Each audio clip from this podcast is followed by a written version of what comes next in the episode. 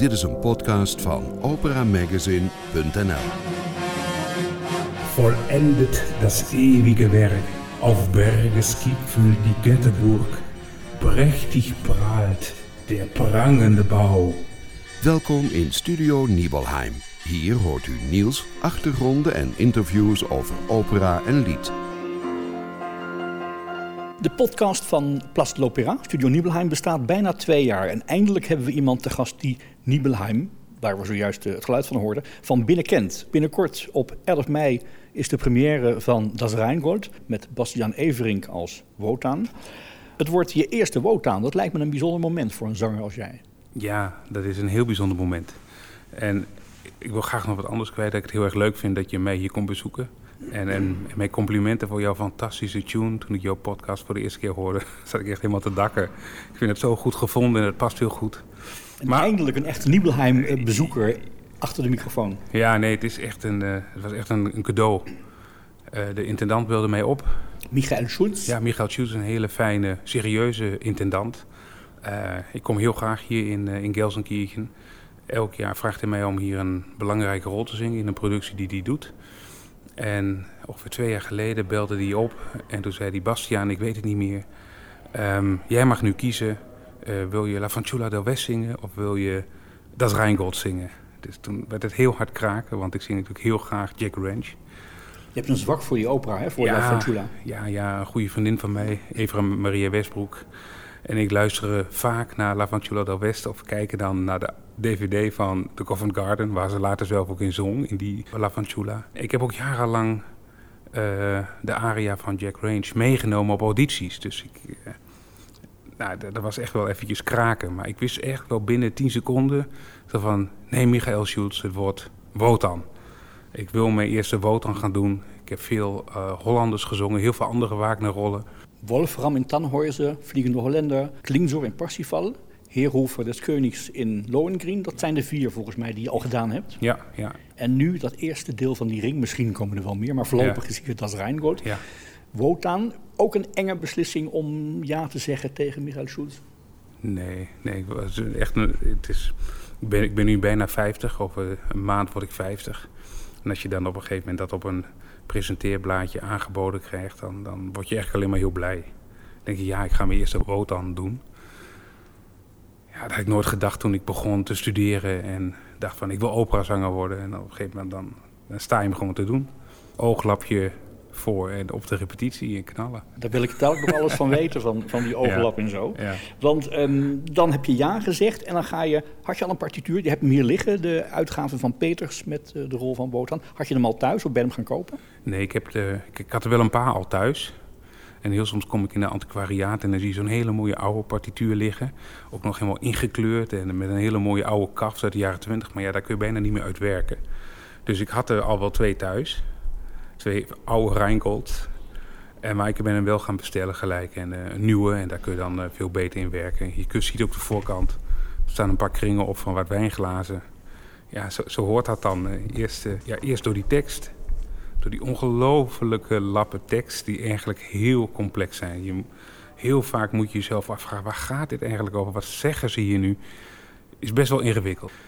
Wagner die, die kan echt goochelen met tekst. Hij was ook een, natuurlijk een geniale man, was ook een hele goede schrijver.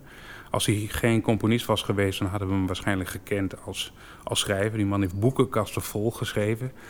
Um, ja, aan de ene kant is, is dat heel ingewikkeld, maar aan de andere kant is het ook heel gemakkelijk eigenlijk. Het is eigenlijk een soort sprookje. Het gaat over, over nymfen, het gaat over dwergen, het gaat over reuzen. Um, uh, de muziek is ook heel speels, laat ook heel goed zien van oh, nu hoor je de reuzen komen en nu zijn we weer beneden in het Nibelheim en dit is het grote uh, Walhalla-motief. Uh, sommige dingen zijn, zijn heel logisch en andere dingen maar, zijn ook weer complex. Hoe begin je dan? Want dat boek gaat open. Hoe kijk je naar die eerste bladzijdes partituur? Um, ik ga eigenlijk altijd eerst met de partituur in de hand en dan ga ik een mooie opname zoeken.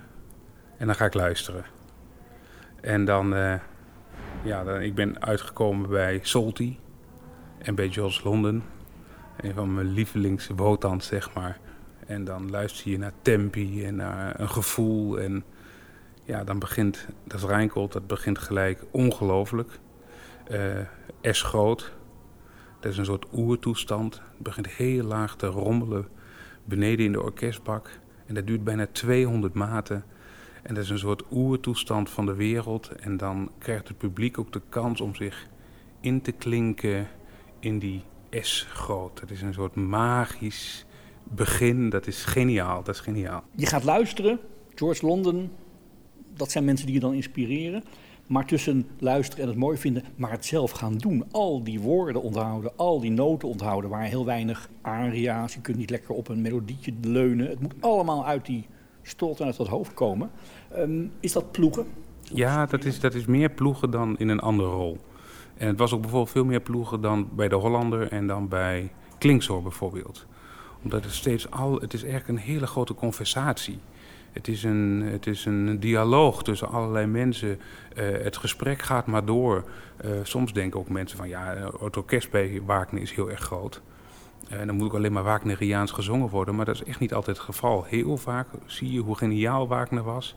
En dat juist als je dingen zegt, dan gaat het orkest naar beneden. Of dan is er veel minder dikke orkestrering. En dan kun je eigenlijk in een soort, in een soort conversatietoon. Wagner was heel erg op de tekst. Hij, hij las ook heel veel Shakespeare. Hij was uh, groot fan, geloof ik, ook van King Lear en van wat andere werken. En hij wou ook naar die tekst toe en naar die verstaanbaarheid van die tekst. Dus um, ja, ik vind het ook zelf ook interessant om meer die kant van Botam op te zoeken. Dan alleen maar groot Wagneriaans, uh, grote stem en alleen maar uh, luid zingen, zeg maar. Dat is veel minder spannend dan juist die, die finesses in die, in die rijkdom uh, vinden, zeg maar. Hè? Want in één zo'n zin, daar, daar kun je soms drie, vier, vijf verschillende kleuren maken. En als je dan wat ouder wordt, dan, dan is dat steeds spannender om te doen. Omdat je dat andere al gedaan hebt. Je brengt een enorme berg ervaring mee. Dat lijkt me ook hard nodig voor dat deze is rol. ook zo, dat is ook zo, ja. John Tomlinson, een van jouw collega's die ja. Wotan gezongen heeft, die heeft al gezegd van um, uh, je moet legato zingen en teksten tegelijkertijd declameren, wat eigenlijk bijna een soort tegenstelling is. Hoe ga jij om met die spanning tussen die teksten goed neerzetten, maar ook nog mooi zingen en mooie lijnen maken? Ja, ik snap precies wat hij bedoelt, maar dat kun je gewoon in één zin doen. Een bepaalde eerste begin van een zin doe je dan echt legato. Een volgende fragment in de zin zit je veel meer in één keer op de tekst en op de uitspraak. Dan versnel je wat, dan ga je in één keer naar een mezzo forte toe of naar een piano toe. En dan op het laatst dan gooi je er weer een, een Wagneriaanse slinger Wotan sound in. En dan, ja, dan wordt dat spannend en dan dwing je ook je collega's om echt te gaan luisteren. En als die collega's dat ook doen, dat doen we hier. Michael Schultz zit erg op die tekst en hij onderbreekt constant de repetitie. Uh, waarom zeg je dit? Uh, wat betekent dat eigenlijk precies, Bastiaan? Uh, waarom zegt Wotan op dit moment dat? Dus dan werken we constant met subteksten en dat is ook interessant voor de collega's. Ja, het, gaat om tekst. Het gaat om tekst. Dan lijkt het me wel prettig om dat uitgerekend in Duitsland te doen. Dat je niet een, een, een in Italië of Frankrijk zingt, hoewel dat ook prachtige landen zijn. Maar Duitsland heeft nog veel meer die verknoping met taal, cultuur, historie. Hier in, ook in Gelsenkirchen, hoewel het een heel modern gebouw is, hangt altijd een beetje die sfeer van Duitse opera. En dan denk je al gauw aan Wagner natuurlijk. Ja, dat is ook zo. En Duitsland is zo'n groot operaland en dat heeft zo'n grote operatraditie. Uh, ja, hier leer je het vak. Als je als jonge zanger iets wilt en je wilt carrière maken, moet je eigenlijk naar Duitsland toe. Daar leer je dat vak. Uh, nou, en dan heb je af en toe snoepjes en, en, en uitstapjes. En dan kun je naar andere plekken op de wereld iets doen. Maar de basis van mijn carrière, en dat is denk ik voor alle opera, Europese operazangers, ligt eigenlijk in Duitsland. Elke middelgrote stad heeft een heel respectabel, goed operahuis. Meer dan 80 zijn er, geloof ik. Ja. Die hebben allemaal een ballet en allemaal een toneel en allemaal een groot orkest. Hier heb je de Neue Philharmonie Westfalen. En dat is een echt een heel groot orkest. Gisteravond bijvoorbeeld hier in huis werd er en een groot symfonieconcert uh, gespeeld. En in het kleine huis werd een kleine bezetting gespeeld van Eugen Onegin. Maar dit orkest kwam bijvoorbeeld twee producties op een avond aan. Dus dat is echt, uh, volgens mij is het groter dan het radiofiel. Volgens mij bestaat deze, ik denk bij 140, 150 uh, mensen en dat is echt groot. Want Reingold, dat vraagt om zes harpen. Gaan die er ook staan in de orkestbak, denk je? Of wordt dat ingekrompen? Nee, die gaan er denk ik allemaal staan. Er wordt, nooit, er wordt niet gekrompen in bezetting nee. in de violen. Gewoon de volle bak ja. zit letterlijk vol. Ja, die zit bommetje vol. Mm. vollendet das eeuwige werk auf Bergesgipfel. Dat zijn jouw eerste woorden volgens mij zo'n beetje. Als Frika jou heeft wakker gemaakt. Ja, dan, dan, dan kijk ik in deze productie uit het raam. En dan zie ik natuurlijk dat de bouw, het prachtige Walhalla, uh, af is. Ja, dan hoor je voor de eerste keer ook het Walhall-motief. Dat is misschien wel het meest geniale motief uit deze hele, uit, uit, uit, uit, deze hele opera. Dat is fantastisch. Of geil, zoals Duitsers dan zeggen. Dat is, dat is toch een geiles motief. Um, en dan zegt dan volendet dat eeuwige werk. het, het is nu eindelijk volbracht, bijna zoiets. Auf Bergesgipfel die Götterburg, prächtig prahlt der prangende Bau wie im Traum ich ihn trug. Zoals hij hem ook al zich voorgesteld had. Precies zo ziet hij eruit. Wie mijn Wille ihn wies. Stark und schön steht er zu Schau. Nou, dat, dat zijn allemaal grote woorden, grote teksten. Af en toe kijkt hij natuurlijk Frika aan. Zo van, kijk, eh, ook voor jou gebouwd. Maar eigenlijk is het zijn grote droom en zijn grote visie ook geweest. Weet je wat, laten we even een stukje luisteren van die opname, Georg Zolti voor het orkest. En dan George London als Wotan in een oude opname, eind jaren 50 geloof ik, van uh, dat Reingold. Klein fragmentje.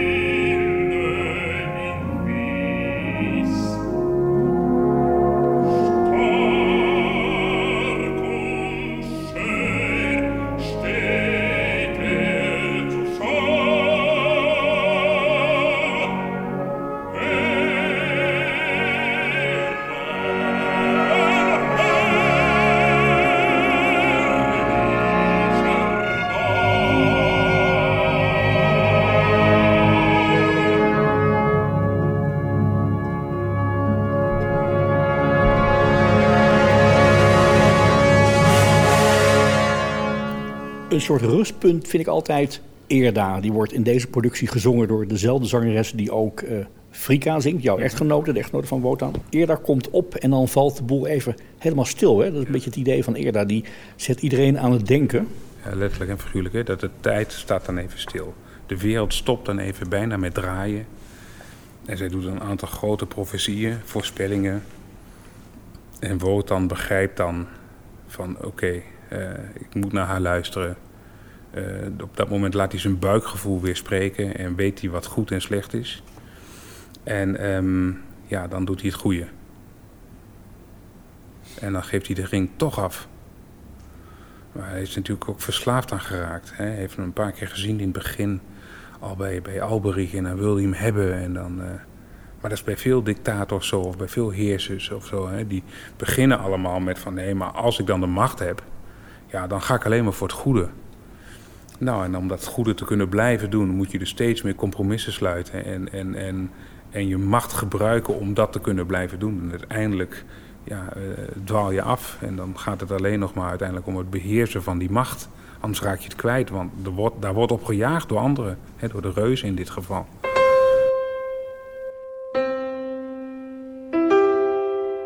U luistert naar Studio Nibelheim. Ben je bij het studeren ook hulp gaan krijgen? Want jouw grote leermeester, of een van de grote leermeesters, James McRae, die is er niet meer. Dat moet een enorme klap geweest zijn. Maar heb je mensen die jou kunnen helpen bij dit soort grote zoektochten naar geluid, stem, naar zang? Ja, ik vind het fijn dat je Jimmy nog even noemt. Een paar dagen terug moest ik nog erg aan hem denken. En eigenlijk is dit de eerste rol die ik doe zonder Jim. Een jaar geleden overleed hij. Ik stond toen in Zagreb het Nationaal Theater van Kroatië de Vliegende Hollander te doen. En na de zesde show ging heel snel. Binnen vier, vijf dagen was Jimmy weg. Ehm, de dag daarna moest ik nog één Hollander zingen. Die heb ik natuurlijk ook voor hem gezongen. Toen snel in het vliegtuig en naar de begrafenis toe en naar het afscheid toe. En ik heb daarna nog wel veel gezongen, maar dat waren allemaal rollen die ik met Jimmy eh, voorbereid had. En met Jim aan gewerkt had. En dit is de eerste uh, zonder Jim. Dat betekent wat, lijkt me, gezien je geschiedenis met zijn manier van begeleiden. Ja, van ik, ben, ik ben meer dan twintig jaar bij hem geweest. Dus uh, ja, nee, dat, dat is ook wel iets nieuws. Heb je dan een andere docent of een coach gezocht die dat kan waarmaken? Kan nee, nee, er is zelfs nog wat anders gebeurd. Op het moment dat hij overleed, een paar dagen later, kwam er een hele getalenteerde bariton naar me toe. Een jonge bariton uit Kroatië. En die zei, ja, ik ben nu al drie keer naar jouw Hollander geweest. En mijn professor hier in Zagreb zegt, ga daar naartoe, luister naar die man. En kan ik bij jou les krijgen? En toen dacht ik van, nou, misschien is de tijd nu gekomen om wat ik allemaal van Jim geleerd heb, om dat door te gaan geven. Hij is verhuisd van Zagreb naar Amsterdam. En hij komt uh, twee, drie keer in de week als ik in Amsterdam ben bij mij op les. Je eerste leerling? Maar ja, ja ik, ik, blijf, ik, blijf zangen en ik wil heel graag zelf op de bühne staan. En ik, maar dit, dit kwam zo voorbij, dacht ik, nou hier moet ik wat mee en hij wil het. En ik wil graag die traditie, die ik, dat vakmanschap wat ik van Jim geleerd heb, wil ik graag doorgeven.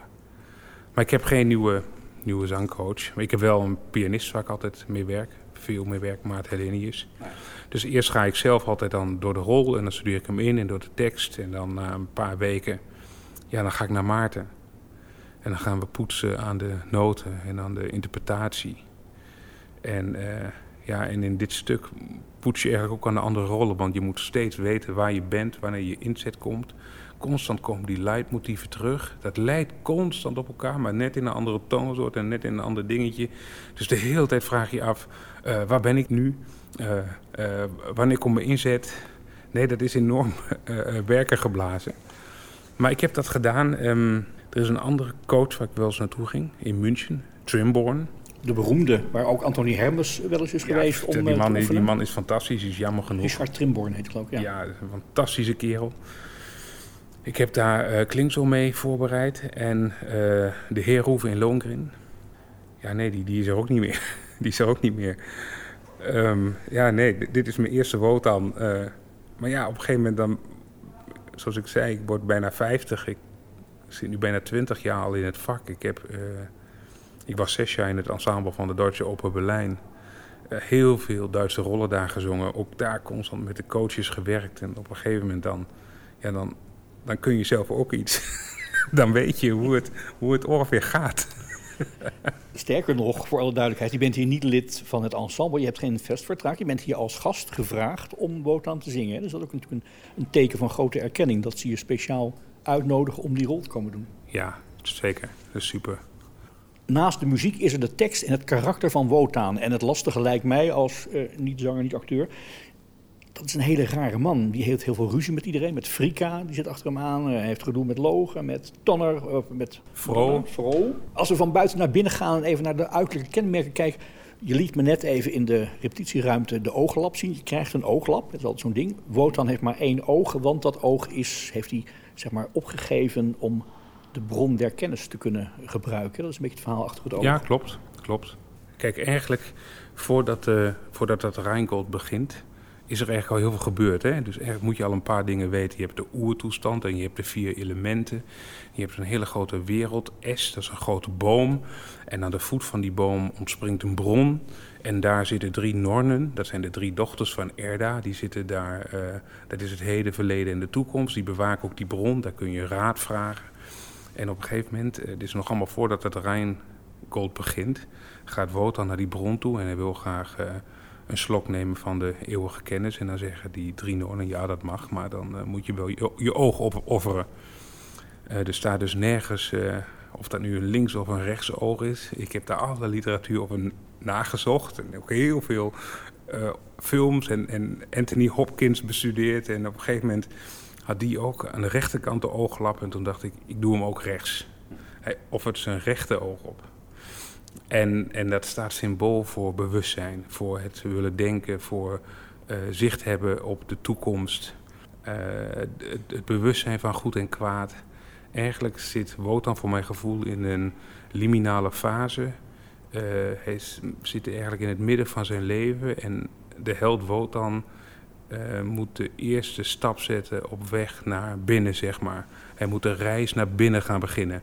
En daarom is dat Walhalla wat hij laat bouwen. Aan de ene kant natuurlijk ook om zijn vrouw Frika te, te pleasen. Om van het gezeur af te zijn. Precies, precies. Maar het staat natuurlijk ook wel symbool voor een soort huis, voor een soort plek waar hij zijn eigen uh, onzekerheid kan verbergen. Maar het staat ook symbool voor de grote oppergod Wotan die uh, feesten geeft en, en, en van luxe parties houdt en een Rolls Royce heeft. En, en hij droomt van zo'n grote, mooi Walhalla, zeg maar.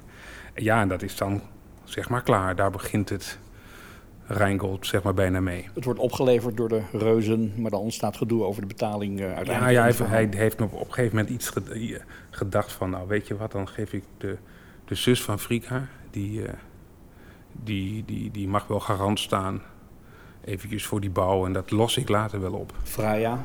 Freya, van Vrij. Uh, zijn schoonzus eigenlijk? Zijn schoonzus, die zegt van nou, dan doen we haar als onderpand. En dan denkt hij, ah, daar praat ik me later, dat los ik op een, een of andere manier wel op. Ja, dat, dat, dat zou de makkelijke kant zijn van het verhaal. Er is ook nog een ingewikkelde kant, dat je zegt van in de, in de joods-christelijke literatuur heb je dat ook. Dat noemen ze de Felix culpa. Dat is de gelukkige fout. Bewustzijn naar kennis. Iedereen kent het verhaal over Adam en Eva in het paradijs. En dan wordt er van de appel gegeten. En dan krijgen ze bewustzijn van het goed en kwaad. En dat is ook het enige moment dat de ontwikkeling plaats kan vinden. Dat je dus ook echt kunt groeien. En dat er wat gebeuren kan. Anders zitten ze alleen maar de rest van hun leven gelukkig uh, in het paradijs te dansen. En gebeurt er niks. Dus er moet ook een soort handeling plaats gaan, plaats gaan vinden om die reis te kunnen gaan maken. Om een compleet mens te worden. Om op zoek te... Wotan is op zoek naar zichzelf, zeg maar. Nou, en dat, dat gebeurt op een moment natuurlijk ook dat hij zegt van... hé, hey, ik geef nu mijn, mijn schoonzus als onderpand. En daar kom ik wel uit. Hij heeft, daar één ding heeft hij vergeten en dat is... Freya bewaakt de gouden appels. En die gouden familie, waar Wotan zeg maar de oppergod van is... ja, die eten elke dag gouden appels en dat houdt hen eeuwig jong en fris. Maar op het moment dat Freya naar die reuzen gaat, ja, dan, ja, dan zijn die appels weg... Dus in één keer hoor je, hoor je Logo ook vertellen, ja, maar dan sterft der Götterstam. En dan gaat iedereen zich in één keer realiseren, en vooral Wotan, dus zo slim is hij dan op dat moment ook niet geweest. Van shit.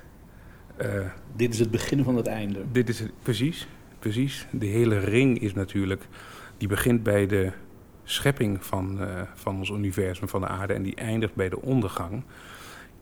Ja, en dan uh, op een gegeven moment gaat, gaat de ring van start. En dan is er een moment van, hé, hey, uh, wanneer, zijn we op het, wanneer zijn we de balans gepasseerd en wanneer zijn we op het, op het breekpunt gekomen en, en, en gaan we naar een ondergang toe?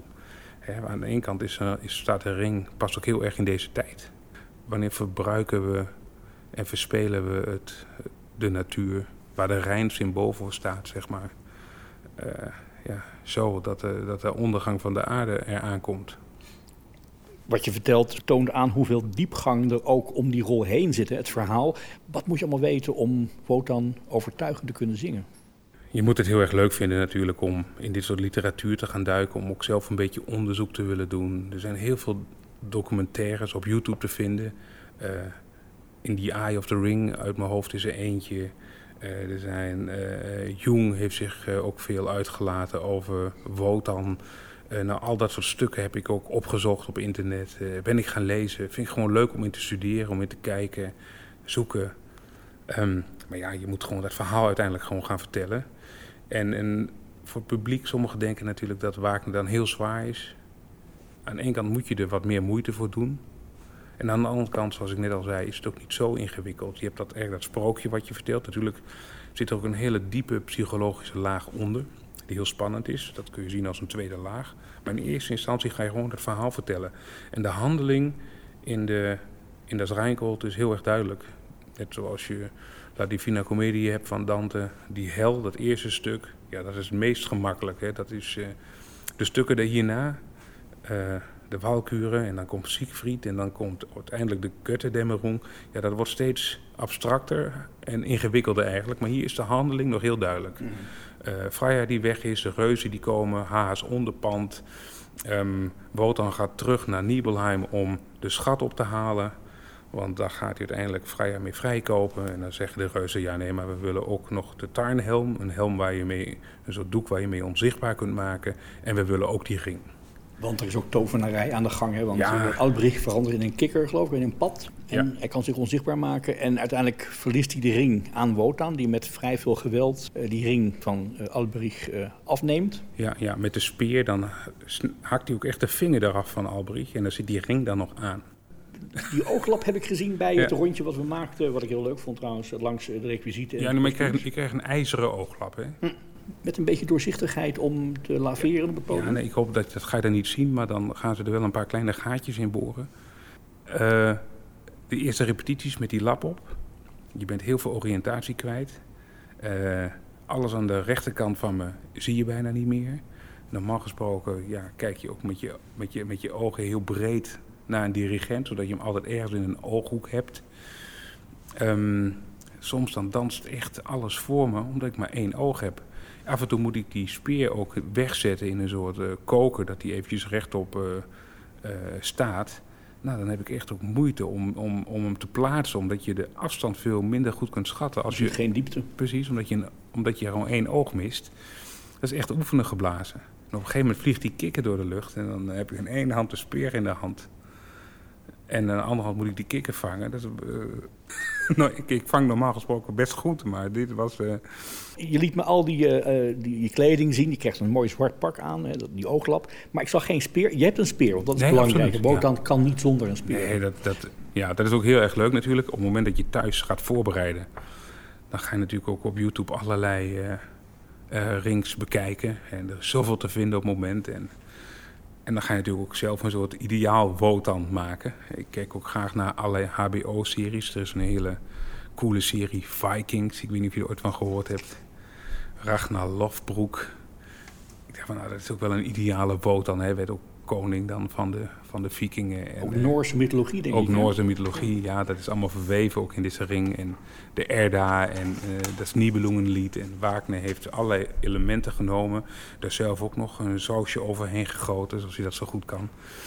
En um, ja, dus ik had in mijn hoofd natuurlijk ook zelf een soort ideale boot. En dan kom je op die eerste repetitie met Michael Schulz. Ja, die heeft natuurlijk helemaal een eigen beeld gemaakt hoe zijn dan eruit ziet. Ja, dat moet je dan samen krijgen. Maar ik was wel heel blij toen hij zei van ja, nee, ook hier, Wotan heeft gewoon een speer. Die man kan niet zonder een speer. Daar gaan we ook echte runen in krassen. Hè. Dat, is het, dat is de wet, dat is de constitutie. Maar ja, vanaf dat moment sleep je dus constant uh, met een speer in je hand. Het is echt oefenen van hoe ga je er nou mee om? Je wilt niet constant daar als een hele statige Wotan staan met alleen maar een speer uh, voor zich.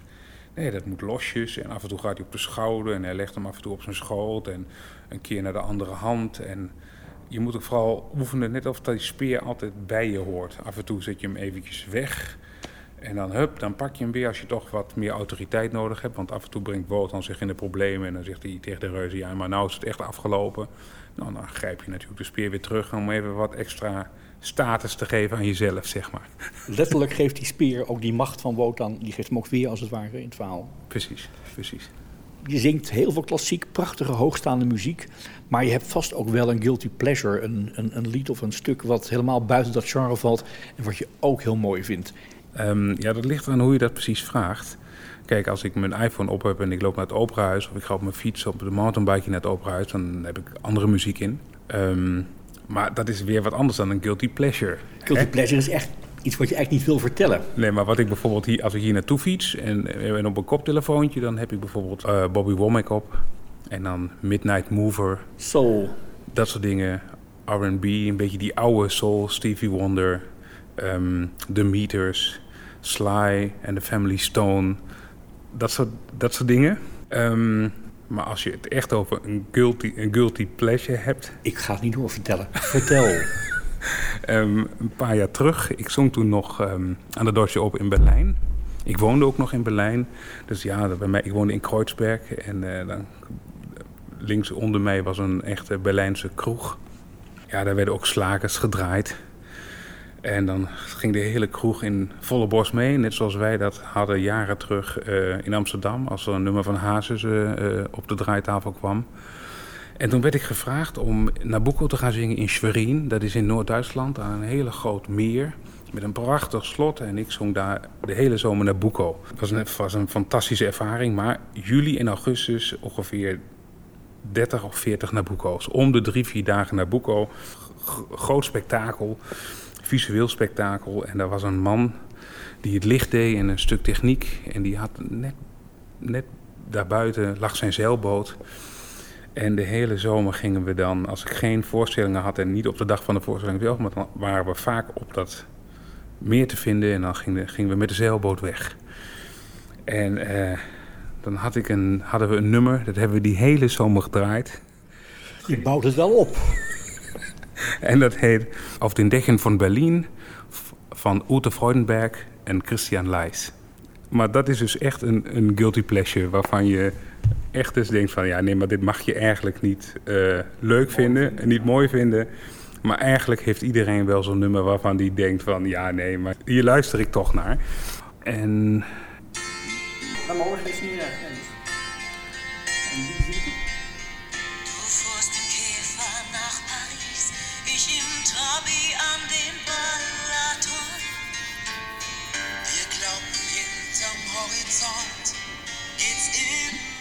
Het is een duet. Het is een duet.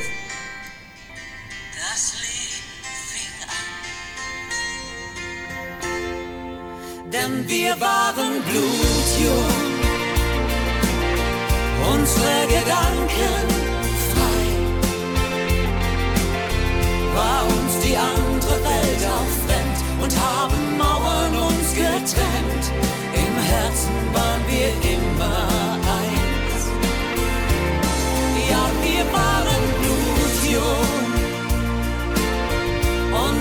Träume gleich. Auf den Dächern von Berlin sahen wir die Sonne westwärts ziehen und den Himmel ungeteilt. Wir hatten Sparwasser und. Zangers werken s'avonds, dus gaan niet zoveel naar het theater. Heb jij Ringen live meegemaakt in je, ja. in je, in je leven? Zeker. Ik heb twee keer de hele ring gezien. Ik heb ook twee keer dan heb ik het over de ring van, van Audi in Amsterdam. Met grote Nederlandse zangers nog Henk Smit als Alberich. Dat was de eerste ring die ik ook echt zag. Ik had daarvoor wel eens wat geluisterd, maar dat is toch... Je moet dat gewoon gaan ervaren en beleven. Je moet er naartoe. De vier avonden achter elkaar. Dat is allemaal fantastisch. Dat, je dan, dat ik nu zelf als Wotander sta, dat geloof je gewoon niet. Stel dat uh, hier, hoewel hier de kans niet zo groot is, hè, want dit is een eenmalig project van alleen maar dat eerste deel van de ring. Maar stel dat er een Walkure of een Siegfried, ja, in, in, in Götterdämmerung komt Wotan niet voor, dat is jammer, maar in Siegfried nog wel als der Wanderer en in Walkure nog als Wotan. Als ze je nu bellen, wat zeg je dan? Ja, dan ga ik het natuurlijk gelijk doen. Ik heb een paar keer wel uh, dat abschied van Wotan uit de Walkure gezongen. Dat is een hele lange tekst, hè? Ja, dat is ook een lang stuk. Een kleine twintig minuten duurt dat. Dan legt die Brunilde, zijn dochter, in een grote ring met vuur. En uh, fantastisch. Dat heb ik een keer mogen doen met Anthony Hermes. In Enschede met het Orkest van het Oosten. En uh, ja, dat was ook een superconcert. Is alweer een kleine drie jaar geleden. Uh, ja, nee, maar zo gauw. Ik denk dat... Uh, maar dat weet je ook als je dan de eerste Wotan aanneemt uit dat Rijngold dan weet je eigenlijk wel dat er ook een. Je weet niet wanneer, maar dan komt er een tweede. En dan komt waarschijnlijk uh, ja, ook de derde. De Siegfried komt eraan. En het was eerst de bedoeling dat ik hier de hele ring zou gaan zingen. Ik weet dat Michael Schultz op reis gegaan is om mij ergens te beluisteren. Heeft me toegehoord als Hollander. Toen raakten we met elkaar in gesprek en toen zei hij van nee, ik wil de hele ring gaan doen. Dus ik, nou dat vind ik heel interessant, dan wil ik graag bij jou alle woordtand zingen. Dat was de eerste deal. En toen belde hij me een halfjaartje later op van... Bastiaan, dat ga ik organisatorisch in mijn huis niet voor elkaar krijgen. Dat is zo'n enorme kluif. Dat gaat me niet lukken. Um, ik ga dat helemaal schrappen. Ik heb je dat aangeboden, maar wat vind jij van zingen, Hans Saks? Dan dacht ik, oh mijn, mijn god, de allerlangste Wagner tekst die er voor een bariton is. Hè? Dat is ook meer dan 6000 woorden. Loodzwaar. Ja, ha- ik zei, Hans Saks, gaan we doen. Ik verheug me erop. Nou, en toen, eh, weer een half jaar later, zei hij, nou, belde hij me weer op. En toen zei hij van, ja nee, dat is ook dat, voor mijn ensemble zo'n aanslag. Dan valt bijna mijn huis een jaar lang bijna uit elkaar. Omdat dat gewoon bijna niet te doen is. Dus ook dat werd het niet. En ook dat werd er niet. En toen kreeg, dan komen we terug bij dat verhaal dat hij me opbelde en zei van... eh, wordt het La Fanciulla of wordt het uh, das Rheingold? Het werd Rijngold. Ja, Maar volgend seizoen kom je hier terug. Wat ga je dan zingen? dan gaan we Forza del Destino doen. Carlos. Ook voor het eerst, denk ik, hè? Dus een jaar, een kalenderjaar met debuten. Ja, hetzelfde jaar ga ik ook nog een, ergens een Nabucco doen. Ik ga het jaar daarop mijn eerste Louisa Mille doen. Mille zelf, verheug ik me ook. Allerlei andere plekjes eh, gaan ook. Dus dat, dat loopt allemaal prachtig door. Ondertussen gaat eh, Nabucco hier in Kelsenkieren, denk ik, in een reprise, in een wiedeopname. Heb je vorig jaar hier gezongen? Ja, heb ik vorig jaar hier gezongen. Ik ga nog in een festival, ergens in een kasteel in Nabucco doen, volgende zomer. Nee, dus, dat, dat groeit weer van alles. En, maar daar gaan we het een andere keer veel uitgebreider over hebben. Want dat vraagt meer aandacht en tijd dan we nu hebben. De opera Hercules. Eind september, concertgebouw, matinee. eh, speciaal geschreven naar aanleiding van jouw boek, Strijdtoneel. Door Rob Zuidam. En daar ga je zelf in zingen, samen met Annemarie Kremer. Het wordt een bijzonder project. Ja, dat is, dat is fantastisch. Dat is, was zo'n feestje. Ik zong eh, in Amsterdam bij de Stopera. Na een voorstelling kwam een goede kennis naar me toe. Kees Vladingenbroek, dat is de man van de zaterdagmatinee. En we hadden na de tijd afgesproken bij de Amstelhoek om nog even een biertje te drinken. En die zei gelijk, eh, fantastisch deze Klingshoor, we moeten wat gaan doen. Laten we een keer afspreken. Ik zeg, goed, kom, kom bij mij thuis aan de keukentafel. En toen was het van, ja, we willen ik wil wel een speciaal werk voor jou laten componeren. En toen zei ik van, nou, volgens mij moet dat gaan over een soldaat. En, ehm, en een opera, ja, zei hij, dat lijkt mij ook. Ik zeg, ja, maar niet een lange opera, dat moet een, echt een eenakte worden. Eh 35, 40 minuten muziek. Ja, precies. En dan gaan we mijn boek gebruiken als een soort inspiratiebron. Maar we gaan niet letterlijk het boek doen. We hebben echt een opera libretto nodig. Echt een handeling nodig. Ik sta zoveel op het toneel. Je weet hoe fijn het is om handelingen te krijgen als zanger. En niet alleen maar over, over de psyche te vertellen bijvoorbeeld. Je wil echt, iets doen. En toen was het al heel snel van... Goh, maar wat zou dan ons favoriete lijstje zijn? Toen zei ik van, nou, ik heb, ehm, eerst moet, we, er een mooi libretto komen. En er is een hele getalenteerde Belgische schrijver. En zijn naam is Valentijn Danens. En ja, daarna was het ook heel snel van, ja, maar wat zou nou op dit moment de beste Nederlandse componist zijn die bij mij past en die bij zo'n thema ook past. En ook een man die voor een groot symfonieorkest eh, kan schrijven en ook intieme momenten kan pakken. En toen zei ik van, ja, dat, dat is er maar één en dat is Rob Zuidam. En toen was het ook heel snel van, ja, maar 35 minuten muziek en alleen maar een, een, een, een dramatische bariton, dat is saai. Eh, Er moet ook zeker moet er een vrouwenrol in komen.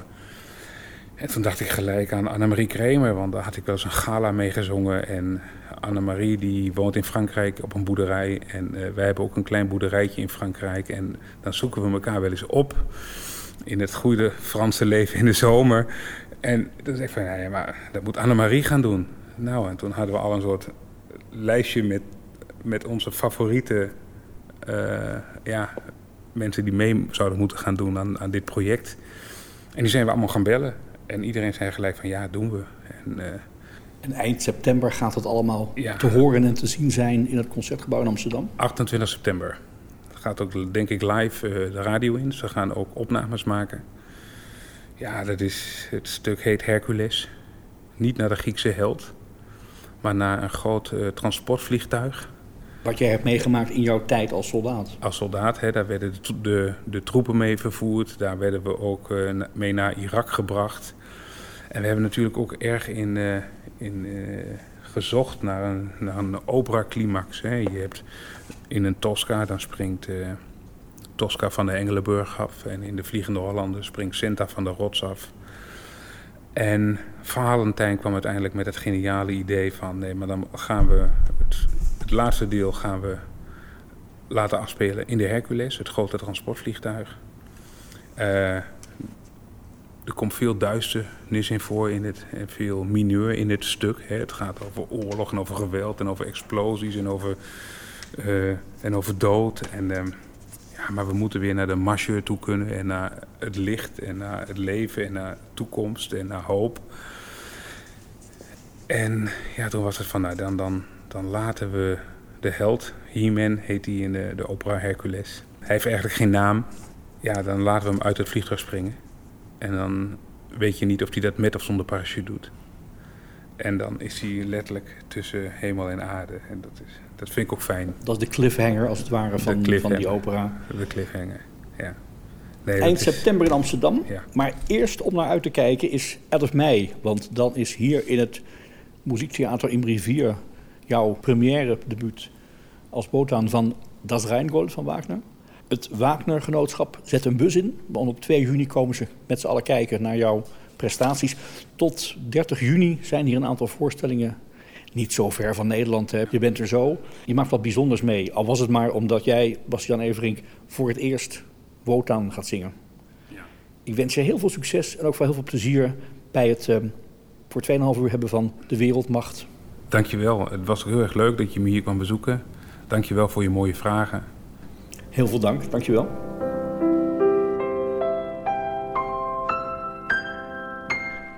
Dit was Studio Nibelheim, een podcast van operamagazine.nl. Productie François van den Anker. Kijk voor al het opera nieuws op www.operamagazine.nl.